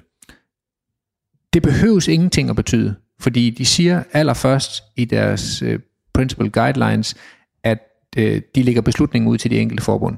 Ligesom de gør, okay. når man afholder et OL, så er det jo, så er det jo øh, øh, cykelunionens regler, der gælder i cykelløbet, og det er World Athletics regler, der gælder i Så atletik. det betyder ingenting i forhold til at komme til OL, eller Nej, det gør det ikke, men altså, det, det er jo sådan nogle mærkelige formuleringer, sådan nogle politiske dokumenter her, for der står, at det her er vores guidelines, vores principper, som I skal operere ud fra, men I skal lave jeres egne regler. Så, du, så du, har, du har begge dele kørende, at det på den ene side siger, at det her det er, det er den olympiske families guidelines, ja. men I skal selvfølgelig gøre øh, det, der, det, der passer øh, hos jer. Øh, og World Athletics var, så vidt jeg ved, det første forbund, som var ude at sige til IOC, tak for de nye guidelines, vi bliver ved med at gøre, som vi hele tiden har gjort øh, altså følger ikke de her. De vil have lov til at teste atleter for testosteronniveau og bede dem om at være under 5 nanomol osv. Øh, så, så, men det er jo lidt det samme med DIFs retningslinjer. De, det, det Danmarks Idrætsforbund, jamen de, de har, de, altså de laver de her retningslinjer, øh, råd hedder de hos, det, øh, hos DIF, ikke? altså de syv råd, øh, som forbundene skal følge, og det første de siger, det er at tage stilling. Altså hver enkelt forbund må tage stilling. Øhm, men samtidig er det jo også klart, at, at forbundene i Danmark er jo meget ujævnt distribueret i, hvor mange eksperter de har. Altså DBU har et, en stor organisation, som kan gøre ret meget. Øh, Dansk øh, Kano- og Kajakforbund er noget mindre og har ikke en organisation, der nødvendigvis kan gå ind og lave et helt særskilt regelsæt. Så de vil nok blive nødt til i langt højere grad at læne sig op af DIFs råd. Så, så selvom man siger, at rådene ikke betyder noget, så gør det det jo alligevel, fordi at det enkelte forbund, som skal tage, tage stilling, har kun den størrelse organisation og den, den størrelse manpower, som de har til at, til at udarbejde noget selv, som ja. skulle være bedre. Ja.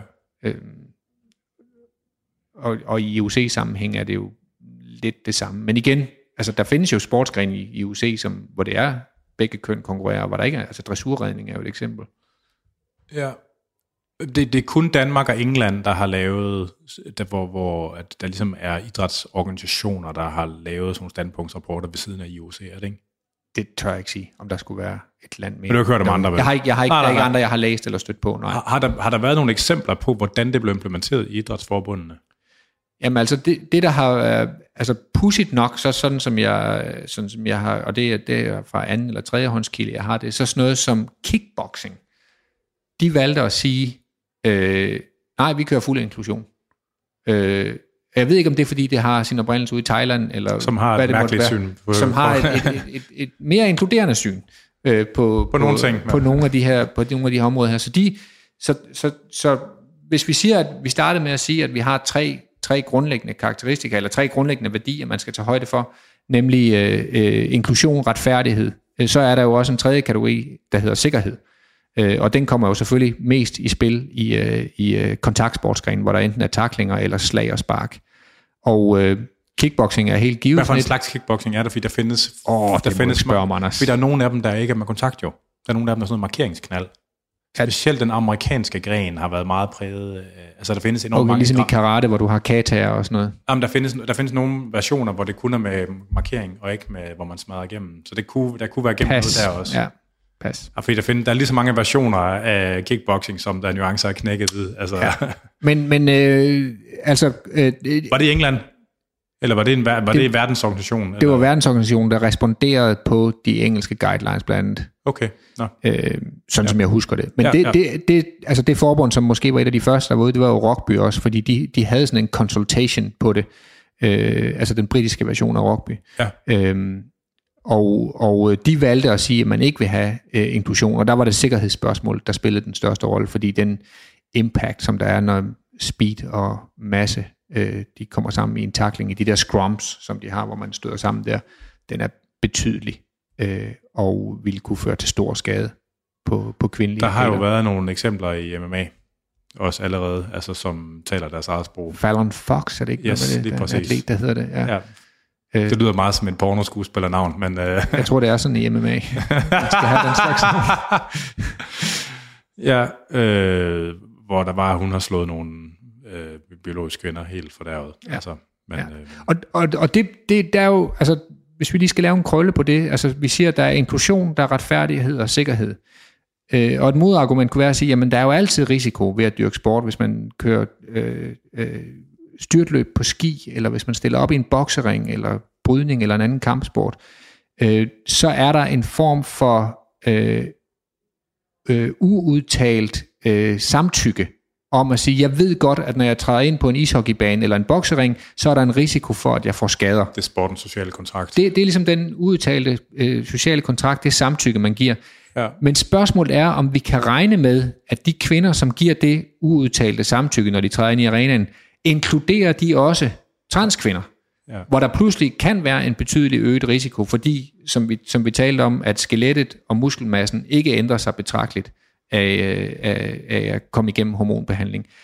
Og det tror jeg ikke nødvendigvis, man bare kan regne med, at bare fordi du har givet samtykke, uanset hvor tavst eller uudtalt det er, generelt, at du så pludselig også har det samme samtykke, når der er, der er en ny type atleter i ringen. Øh, og der mener jeg, at det her sikkerhedsaspekt kommer, kommer i høj grad i spil. Ja. Ja.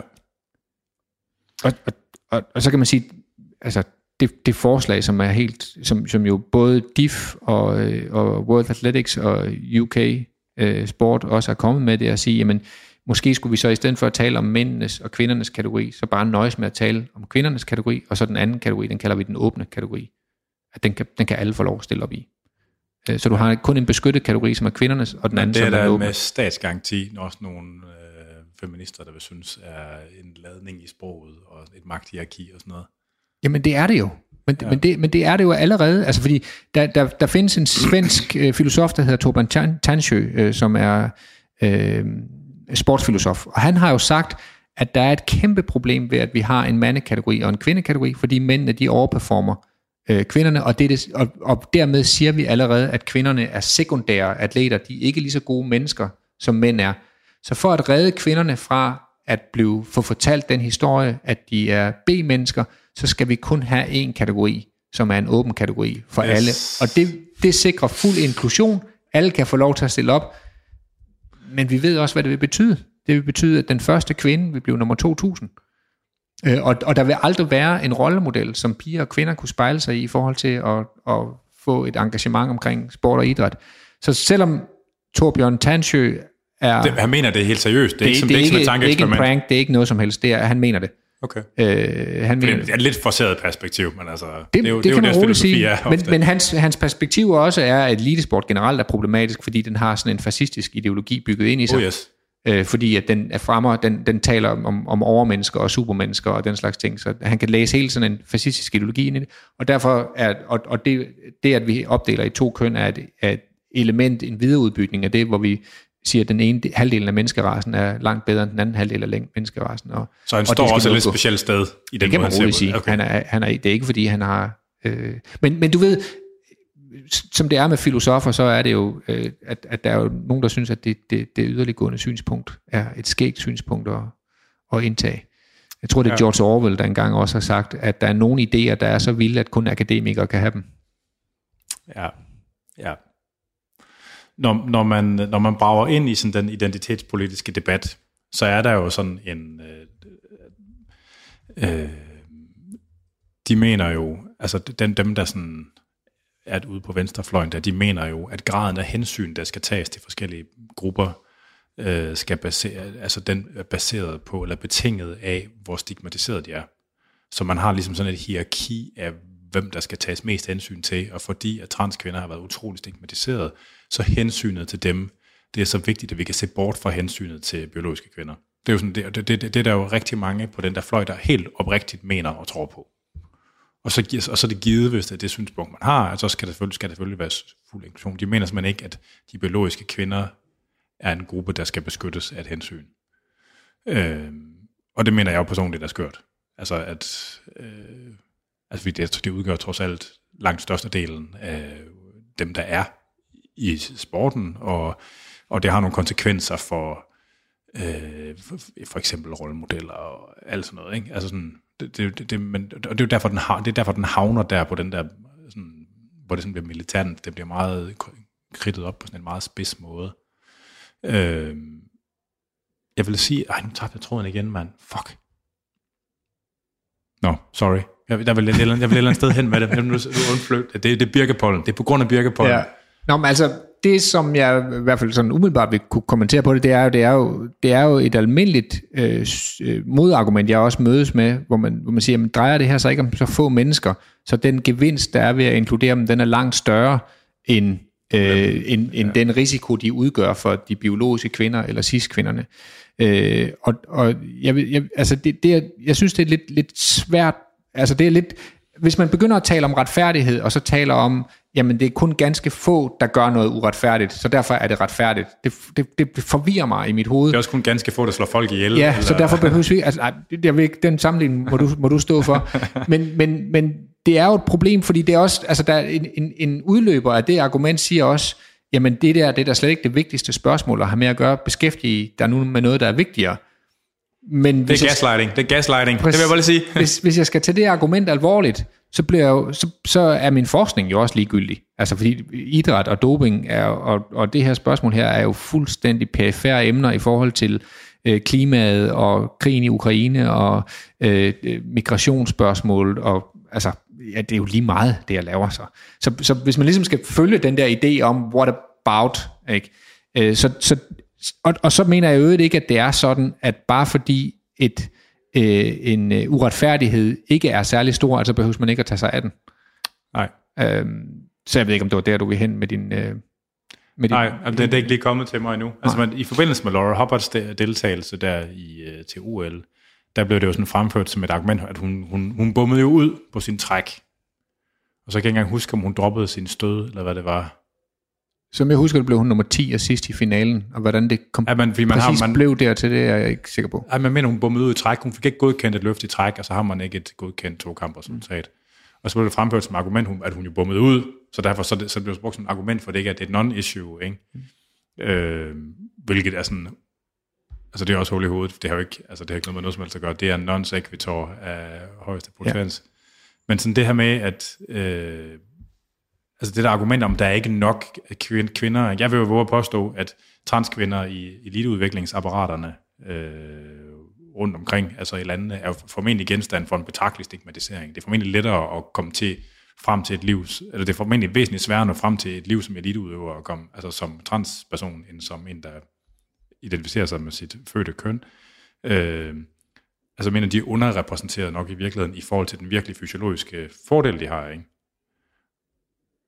Og det er som om, at den, øh, altså, det, det, altså den, Laurel Hobbards, ikke? altså jeg tror, de færreste kan, sætte, altså, kan forstå, hvor vildt det er at være til OL i vægtløftning som en person i 40'erne.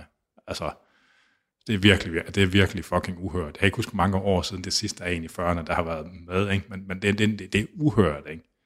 Altså, altså, så i virkeligheden, i virkeligheden, så burde der være flere, hvis det skulle matche den reelle fysiske fordel, det tyder på, der er. Ikke? Og spørgsmålet er jo, hvor mange flere der vil være, hvis de havde den samme adgang til det. Altså, så ville det være et, altså, så ville de ikke være underrepræsenteret længere. Så det er sådan en, det er sådan et underligt argument, der lukker sig om sig selv. Altså, Ja, helt bestemt. Altså, og, og det der, altså, jeg, jeg, altså jeg, jeg anerkender igen fuldstændig, hvor svært det må være at være transkønnet og leve som, som transkønnet. Ja, ja. Altså, ja. der er så mange, der er så, må være så meget modstand og så meget mange svære ting i ens liv, øh, som, som ciskønnede mennesker ikke oplever. Øh, så det, det peger ind det, du sagde før, at sige, at når man er marginaliseret tilstrækkeligt meget, skal man så ikke, så skal modstanden være meget mindre på den anden side. Øh, og, og, og derfor synes jeg jo også, at man skal gøre, hvad man kan for, at, at i idrætten generelt og i bredt idrætten, hvor det ikke har de konsekvenser øh, for konkurrence, at man kan se, at man kan få inkluderet øh, alle øh, på, på bedst mulig beskub, øh, gøre, hvad man, hvad man kan der. Men man glemmer nogle gange også, at hvis, når man taler eksklusion, inklusion af nogen, så taler man også automatisk eksklusion af nogle andre. Så igen i Laurel Hobbits tilfælde, der var det jo en ung kvinde på 22 år fra Maori, Fiji, tror jeg det var, som, øh, fra Fiji, som, som ikke kom med til OL, som ikke fik kottet, fordi det er jo inddelt i Oceanien, som, hvor, ja, ja. hvor den gruppe, som, som Hobbit kom med fra. Så, så, så det, at hun kom med, var jo ikke kun et inklusionsspørgsmål, det var også et eksklusion af, af en anden, Øh, og, og, og, sådan, altså, og der, der er jo nogle ringe i vand, der, der breder sig øh, fra, øh, fra spørgsmålet om, om inklusion øh, til, at der også er nogle andre, der bliver ekskluderet. Plus hele den fornemmelse af, om, om, øh, om altså, hvad det er, netop hvad er konsekvenserne af, hvor store er forskellene her på, øh, på, i, i præstation, hvad man, hvad man kan klare. Ikke? Ja, altså det, det, er jo bare det, det er jo en virkelig råden situation egentlig, fordi selvfølgelig så fortjener transpersoner at have øh, rollemodeller, de kan identificere sig med. Men hvis man lavede en separat transperson-kategori, de vil ikke få lige så mange sponsorpenge, der vil ikke være nogen tv-rettigheder, der vil være røv og nøgler i det. Så hvis det ligesom skal være på den form for lige vilkår, så er det nødt til at være altså, sammen med det. Altså det er bare, det er en lortet situation. Ja, det er det. Øh, og, og, og igen, jo flere, hvis man sagde, lad os åbne op for flere kategorier, hvorfor laver vi ikke en for højde, eller en for vægt, eller en for trans, eller en for DSD? Øh, at hele sportens grundlæggende fascinationskraft er, at den er helt vildt nem at for, forstå, øh, som vi også startede med at tale om, for, som udefrakommende. Det er virkelig, virkelig nemt at forstå den der binaritet øh, mellem vinder og taber, og, og hvem der er. Den historie er så, er så nem at identificere sig med, men hvis der er tusind versioner eller kategorier, altså du kan også starte et 100 meter løb, hvor de ikke faktisk ikke alle sammen skal løbe 100 meter, men nogen skal løbe 101, og nogen skal løbe 99, alt efter nogle arbitrære kategorier, som vi har besluttet os for, testosteronniveau for eksempel, eller hvad det måtte være. Og så ser vi, hvem der kommer først. Øh, men, men så er det jo ikke et løb, vi kan relatere til længere, hvis de ikke skal løbe lige langt, øh, fordi de har forskellige øh, forudsætninger. Så det man, det man nogle gange glemmer, fordi det kommer tit det der argument, hvor man siger, men folk er jo ikke ens, og eliteatleter er ikke ens, og hvad med Michael Phelps, der har meget lang overkrop og, og, og, sådan, hænder. og store hænder. Så, så se selv, at eliteatleter er jo fra starten ikke ens. Det man glemmer der, det er at sige, jamen, men det ved vi godt, og, og sporten er ikke bekymret om, at folk ikke er ens. Øh, det er ikke urimeligt at have øh, en, øh, en, en fordel i sport. Det er kun urimeligt, hvis man har en for, den fordel i en kategori, der er designet til at udelukke den fordel. Så det er, uri, det er ikke urimeligt at være 25 år, men det er urimeligt at være 25 år, hvis du deltager i 16 års kategorien. Ja. Det er ikke urimeligt at veje 90 kilo, men det er urimeligt at veje 90 kilo, hvis du deltager i under 70 kilo øh, klassen. Ja. Øh, så, så, og, og derfor, hvis man tager cykelsport, som er noget af det, jeg kigger meget på, øh, så, så er det jo ikke sådan, at vi siger, at det er urimeligt for de andre, at der findes en Pogacar, der kan holde øh, 6 watt per kilo i meget længere tid, end nogle af de andre kan, øh, op ad et eller andet bjerg. Fordi vi har ikke en kategori, der siger, hvor mange watt, watt per kilo, kilo, hvad man skal ja. kunne træde op ad et bjerg. Øh, så nogen kan træde 5,9, nogen kan træde 6,1, nogen kan, altså om det er på 20 minutter eller en halv time, eller meget der, ikke? Så, så de her kategorier er jo, altså det at have en fordel er ikke forkert i sport. Det er faktisk det, vi kigger efter. Det, vi, det vi gerne vil, det er det filter, vi faktisk bruger for at finde ud af, hvem vi skal hylde. Øh, hvem, hvem var det, der havde en fordel? Hvem kunne noget ekstraordinært? Ja. Øhm, og, og på samme måde, så, så det er sådan den, den generelle betragtning, og, og hvis vi kigger på den personlige igen, hvis vi tager Laurel Hubbard, når folk sagde, jamen se selv, hun, hun vandt jo ikke. Men hvis... Jeg har et eksempel, der udfordrer den. Ja. Øh, I parasport, der har man jo bænkpreskonkurrencer. Mm-hmm. Det, er, det er relativt stort for folk, der enten mangler benene eller er lammet fra livet ned. Der findes jo, der findes jo almindelige bænkpreskonkurrencer hvor man kun stiller op i bænkpres også, der vil det jo være en ret stor fordel at ikke have nogle ben, fordi man kunne udnytte sin vægtkategori bedre. Ja. Og nu, nu tager vi, vi, tager, vi tager, fordi det udfordrer jo faktisk ikke nogen af de rammer, der er for sporten. Nej det udfordrer ikke rammerne for kategorien. Det, altså, det, det hacker måske vægtklasserne lidt, ikke? Det, det ved du meget mere om mig, det der, Anders. Men jeg har også forstået, at, at, øh, at virkelig, virkelig korte arme er også en fordel i bænkpres. Ja. Fordi det... det, det ja, det er interessant.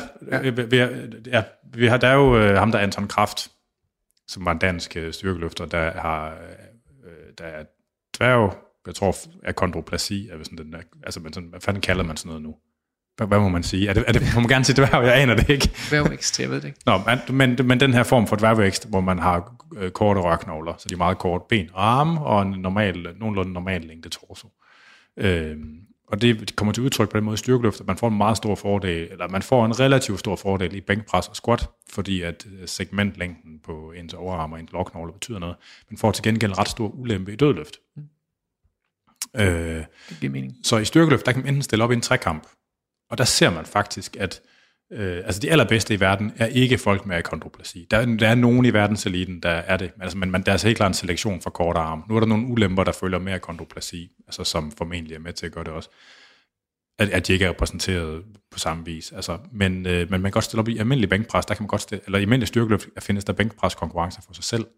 Og der kunne man jo argumentere for, at den der fordel, som der er knyttet til akondroplasi, altså i, i trækkamp, der bliver den opvejet af en ulempe i dødløft, men det gør den ikke, når man kun stiller op i bænkpres.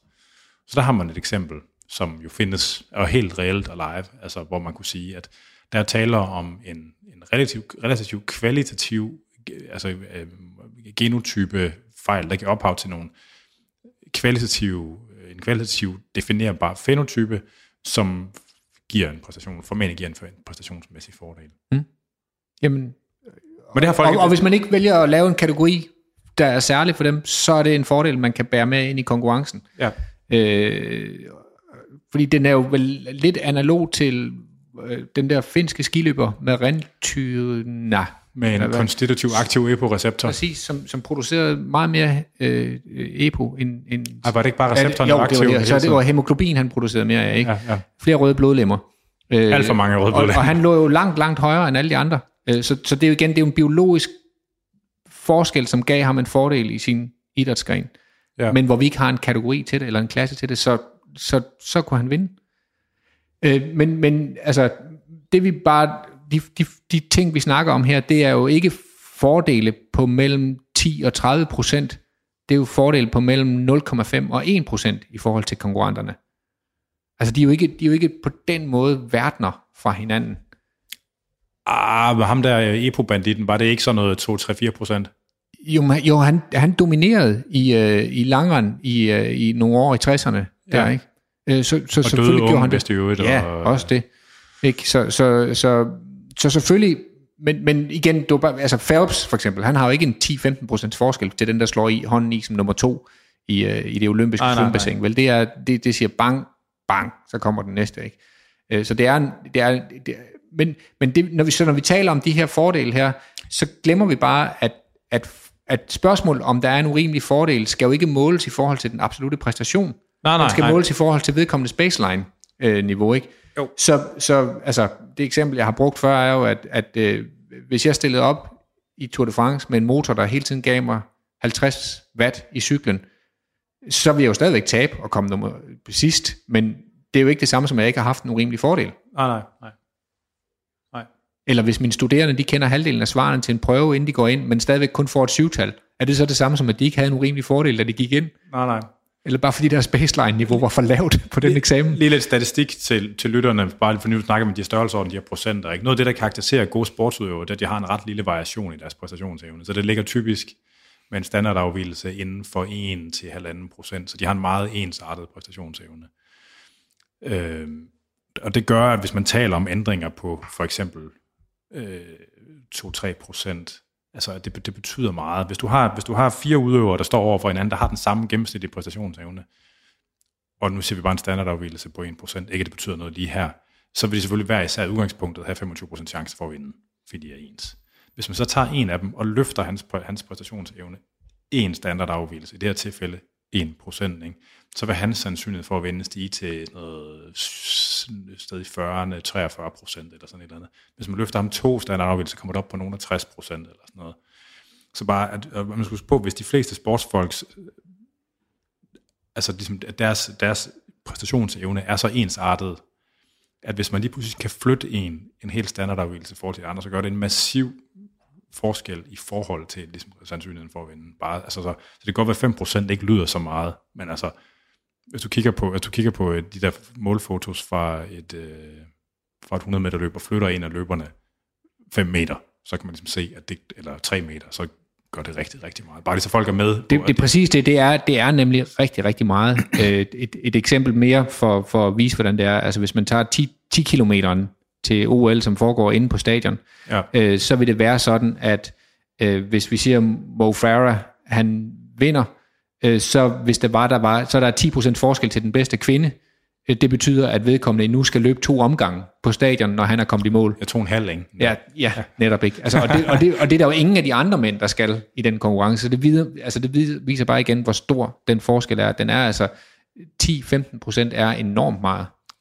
Ja, og det er også det, at hvis, hvis, hvis, man, hvis man kun fjerner halvdel, eller man kun fjerner tre fjerdedel, eller fire femtedel af den altså af den præstationsmæssige fordel, der er, så er det stadigvæk meget, altså det er stadigvæk rigtig meget, der er tilbage. Ja. Altså, og, og, og hvad tallet præcist er, det der vist så i virkeligheden ikke rigtig nogen, der helt ved. På styrke, i forhold til igen det svenske studie, vi talte om tidligere, der, der fjerner man maks en femtedel af den oprindelige forskel. På et år? På et år. Ja. Ja, præcis. Ja. Så det er ikke, altså, der, der er stadigvæk en stor residual øh, kapacitet tilbage. Øh, der er sådan en amerikansk styrkeløfter, som er, altså, har, været, har, har været aktiv som mand, og nu øh, øh, Kroc, øh, øh, Janae Kroc hedder hun nu. Det er ret interessant at følge med i også. Altså, men, øh, men det er jo så en, der er stillet op som totalt gennemkrudtet styrkeløfter, altså helt tanket op på alt muligt som jo, og som jo beskriver det her med, at, at den her adfærd med at være styrkeatlet og det ude og sådan noget, det er været en kompensation. Altså, og, ligesom, og du vil først som voksen kan finde ud af virkelig at stikke den ind, altså, mm. og du vil tænke de tanker, der er brug for at tænke for at komme videre i sit liv. Ikke? Mm. At al den der hypermaskulinitet, det var sådan en kompensationsadfærd mm. for et rigtig ubehageligt spørgsmål, der lå og mm. pressede sig på. Mm. Og hun fortæller så nu, at nogle gange så har hun strength relapses, og kommer til at begynde at træne, og måske krudte den lidt igen, og sådan noget. Altså det er bare sådan, oh, det, det, det er så vildt. Nå, ja. Janae Kroc, øh, ja. CROC mener, det er ret sjovt at følge med i. Ja. Eller er det KROC? Whatever. Nå. Øhm. Men, men det er jo et godt eksempel på netop, altså det vi berørte lidt før, at det her, det er jo ikke nemme liv at leve. Nej, altså det er jo ikke, vi, vi sidder jo ikke her og prøver at sige, at, at, at, at, at oute nogen på den måde. Det er jo ikke, det er jo ikke nemme situationer, de går igennem, men derfor er der stadigvæk et behov for at kigge på sporten i et helikopterperspektiv, eller perspektiv ovenfra. Øhm, ja. Selvfølgelig, altså, øh, ja, ja. Øh, men der er et andet spørgsmål. Du rørte lige, jeg kan ikke huske, om du rørte det i starten, men det her med transmænd.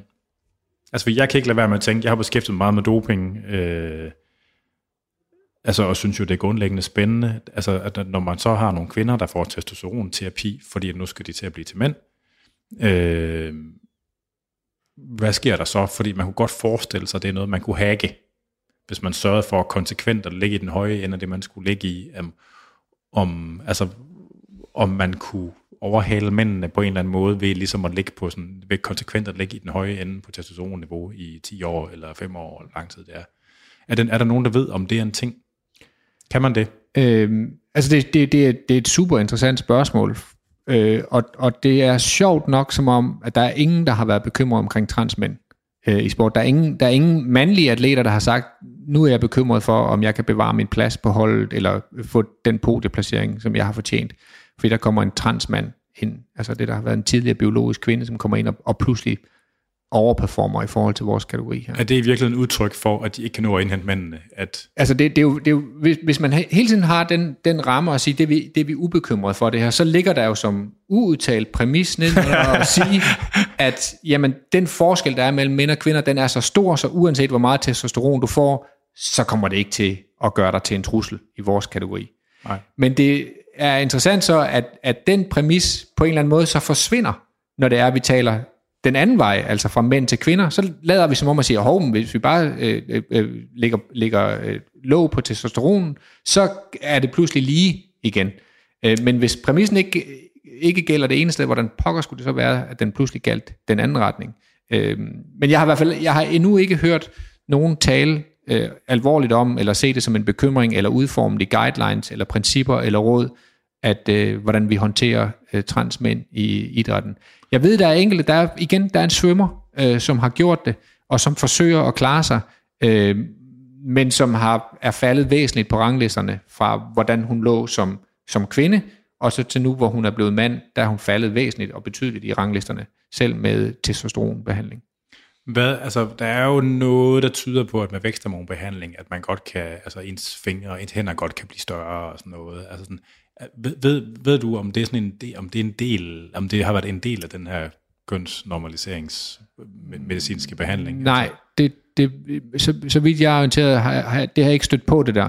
Og jeg ved heller ikke, om det kan lade sig gøre efter vækstzonerne er lukket. Det ved du måske sikkert mere om, jeg gør. tror jeg godt, man kan. Men jeg ja. tror ikke på de store ørknåler. Nej. Altså, der er et eller andet, der er anderledes i hænderne. Men, ja. Okay, så det skulle være interessant for volleyballspillere, eller håndboldspillere, eller, eller den svømmer. slags svømmer. Større badler. Ja. ja. ja. Fordi, ja, okay. Øh, vi vil godt forestille sig, at grunden til, at det ikke er dukket op, det er fordi, at, den, den, at, at personerne ikke har manifesteret sig endnu. Altså, ja. jeg vil tro, at hvis de først er der, ja. så skal du nok få nogen, der begynder at råbe op og lave ballade omkring det. Ja. Ja. Fordi når man kigger på, altså når man kigger i styrkesport og i bodybuilding, og nogle af dem, nogle af dem der sådan virkelig er krudtet op, så er der jo kvinder der, der er rigtig, rigtig vilde.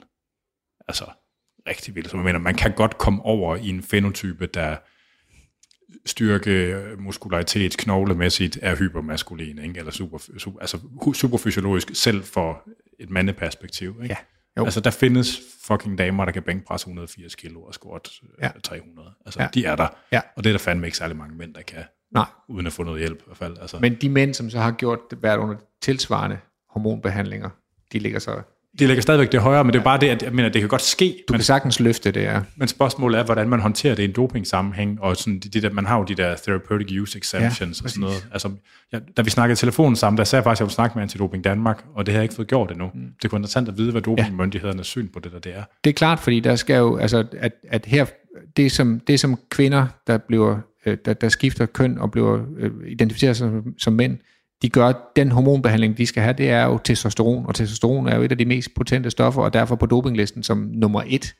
Øh, så hvordan håndterer antidopingmyndighederne det spørgsmål, at øh, her er der en gruppe, som for at blive dem, de gerne vil være, har brug for at få maksimal doping. Så skal de have det. Ja.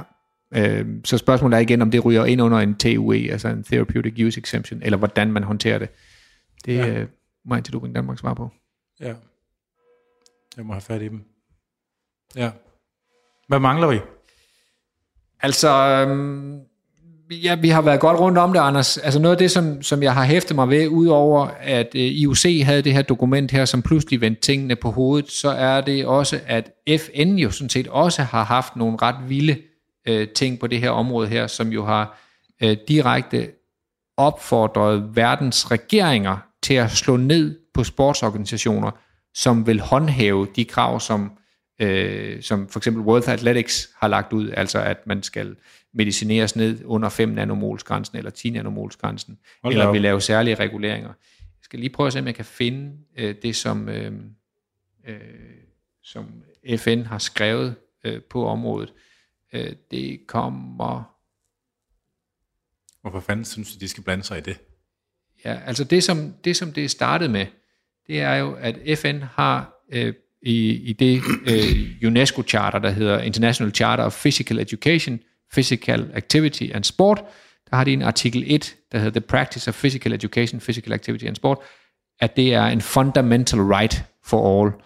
Og det er jo sådan et dokument, som blandt andet øh, den kanadiske cykelrytter, sprinter Veronica Ivy har peget på og sagt, det her det er slet ikke et spørgsmål om præstationsforskel mellem kønnene, det er et rettighedsspørgsmål. Og det er, det er en menneskerettighed at dyrke sport. Øhm, og det siger, det siger FN i det her dokument her, at every human being has a fundamental right to physical education, physical activity and sport without discrimination on the basis of ethnicity, gender, sexual orientation, language, religion, political or other opinion, national or social orient property of any other basis. Så de, de siger, at det her er en ret. Nu, nu kan man jo altid diskutere, om retten til at dyrke sport er... Er det en, samme som retten til at være repræsenteret ved OL? Eller, ja, eller, ja. eller også, altså nogle af de andre grundlæggende fundamentale menneskerettigheder handler jo om retten til ikke at blive spærret inde, retten til mad og frihed og den slags ting. Altså, de helt fundamentale rettigheder øh, er, er sport virkelig på niveau med det. Men det, det er den ene ting, som de, som de siger her, øh, FN. Og øh, øh, øh, i, hvis man kigger i det olympiske charter, så er det jo også det, som er uh, Fundamental Principles of Olympicism. Uh, paragraf 4 siger også, at the practice of sport is a human right. Så de har det også i det olympiske charter, altså det, der ligger helt, ja, ja, ja. helt fundamentalt til grund uh, for det. Det, som uh, der så skete i juni uh, 2020, det var, at FN uh, uh, udsendte en rapport om, uh, uh, om the intersection of race and gender discrimination in sport. Og det de øh, når frem til der i deres konklusioner, det er, at, øh, øh, og nu citerer jeg igen, states should prohibit the enforcement of regulations that pressure athletes to undergo unnecessary medical interventions as a precondition for participating in sport. Så de siger altså, at, at stater faktisk skal forfølge organisationer, der opretholder sportens regler på det område her hvilket er en ret vild ting.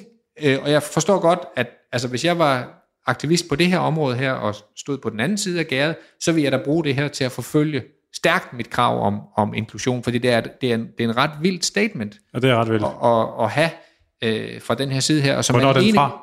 Øh, jamen, øh, kilden er øh, øh, øh, Report of the United Nations High Commissioner for Human Rights. Okay. Øh, så det er, og, og, og under, titlen er, øh, hvad hedder det, Intersection of Race and Gender Discrimination in Sport. Øhm, og den er fra 2020. Hmm. Og den er jo igen lavet af nogle interessegrupper på det her område her, øh, som, som, øh, som, som fremhæver det her element her. Men det, det som, altså min analyse af det er lidt, igen, Casa Semenya har altså betydet meget for, for forståelsen af det her. Og noget af det, hun har slået på i hendes retssager, er jo, hvordan kan det være, at jeg skal medicinere mig? Jeg er et sundt og rest menneske. Hvordan skal det være, at jeg skal medicinere mig med hormoner, som risikerer at give øh, problemer med hjertet og blodpropper og den slags ting, for at få lov til at udføre mit arbejde, at, at være løber. Øh, og og den, de internationale forbund af, øh, af læger har også sagt, I må opfordre deres medlemmer til at sige, I må aldrig give raske, sunde mennesker hormoner, som kan risikere at ødelægge deres sundhed.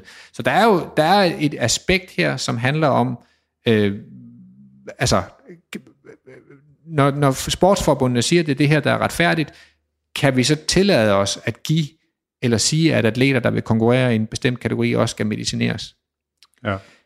Den er, Svaret må være, nej, det kan vi ikke tillade os at sige, men vi kan sige, at du kan bare ikke få lov til at deltage i kategorien, så hvis du ikke vil det, men du er meget velkommen i den anden kategori, det som vi kalder den åbne kategori. Øh, der kan du få lov til at deltage. Ja.